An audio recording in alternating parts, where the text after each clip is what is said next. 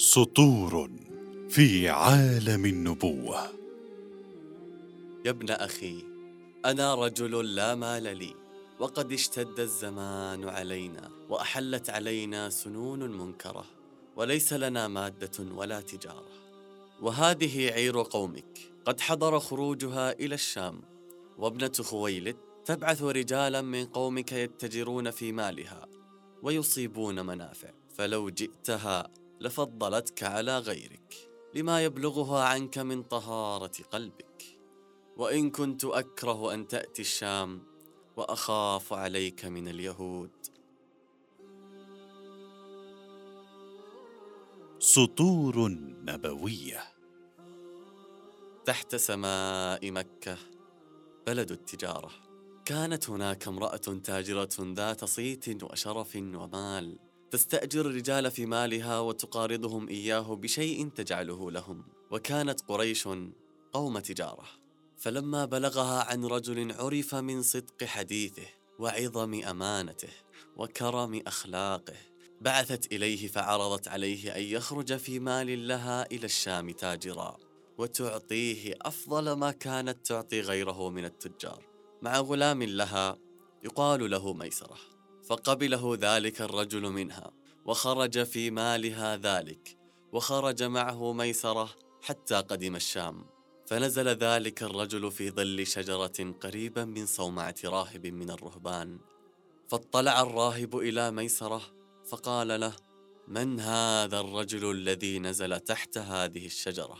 قال له ميسرة هذا رجل من قريش من أهل الحرم. فقال له الراهب ما نزل تحت هذه الشجرة قط إلا نبي.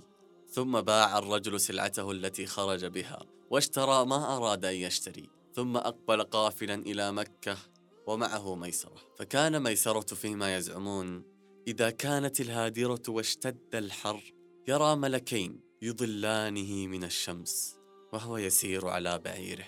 فلما قدم مكة ذهب ميسرة مسرعا لسيدته خديجة. وحدثها عن قول الراهب وعما كان يرى من إضلال الملكين إياه فلما أخبرها ميسرة ما أخبرها بعثت إلى الرجل فقالت له يا ابن عمي إني قد رغبت فيك لقرابتك وسطتك في قومك وأمانتك وحسن خلقك وصدق حديثك. وكانت خديجة يومئذ أوسط نساء قريش نسبا وأعظمهن شرفا. وأكثرهن مالا. كل قومها كان حريصا على ذلك منها لو يقدر عليه. فلما قالت ذلك لابن عمها ذكر ذلك لأعمامه فخرج معه عمه حمزة بن عبد المطلب حتى دخل على خويلد بن أسد فخطبها إليه فزوجها وأصدقها رسول الله صلى الله عليه وسلم عشرين بكرة. وجاء عام الحزن. لم يأتي امتحان الفقد في فترة رغد بل كانت الفترة عصيبة تحتدم بالمواقف بشراسة حقد العدو. وكان صلى الله عليه وسلم مرهقا جدا وهو الخارج للتو من المقاطعة والحصار الجائر في شعب أبي طالب وفي هذه الأثناء كانت الصدمة الكبرى. بوفاة زوجته وأم المؤمنين خديجة وخديجة الزوجة المحبة والوفية والأم الحنون والمرأة العاقلة والحازمة والرشيدة والسند العاطفي والمستشار الأول والوزير المخلص. خديجة التي كانت تؤيده وتنصره وتصدقه وتواسيه بكلماتها إذ تقول كلا والله لا يخزيك الله أبدا.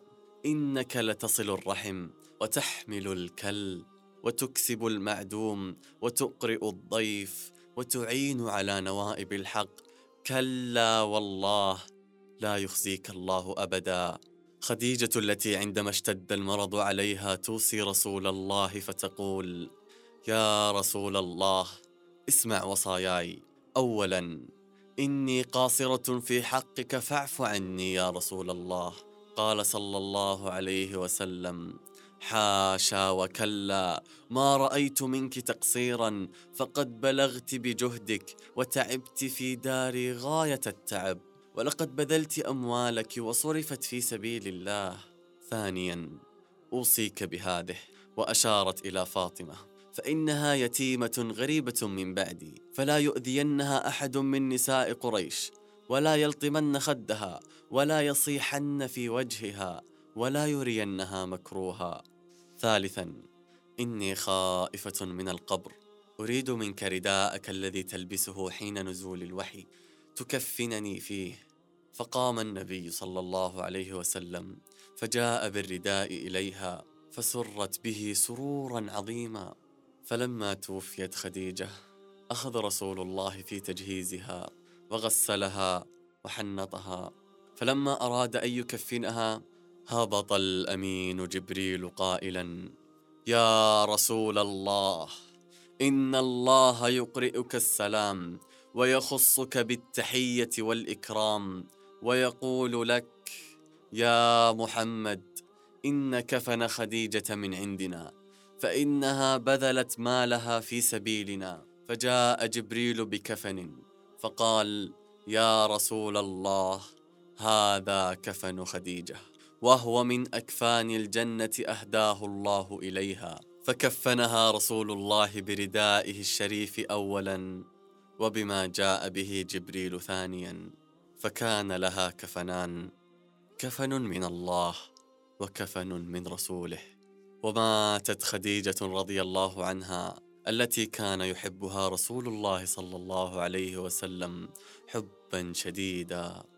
ورغم الحزن الشديد كان رسول الله صلى الله عليه وسلم أصبر الناس وهو يتذكر قول الله تعالى فاصبر صبرا جميلا. وتتوالى المصائب والأحزان ففي الفترة نفسها مات عمه أبو طالب. أقرب الناس إليه. الرجل الذي كفله يتيما بعد وفاة جده عبد المطلب.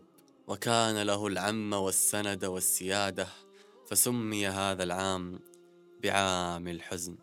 وكلما غلب عليه الحزن صلى الله عليه وسلم تذكر قول الله تعالى فاصبر صبرا جميلا الفقد موجع في كل صوره لكنه أكثر إيلاما حين يطال السند. وما أصعب اللحظة التي تميل فيها بكل أعبائك على سندك فلا تجد إلا العدم. كان الفقد حاضرا على امتداد السيرة النبوية وهو الامتحان الأصعب لصبر رسول الله. فمات العم والزوج والأبناء والكثير من الأصحاب. لكنه من أصبر الناس في تجاوز امتحانات الفقد. فلنصبر. صبرا جميلا. سطور نبوية.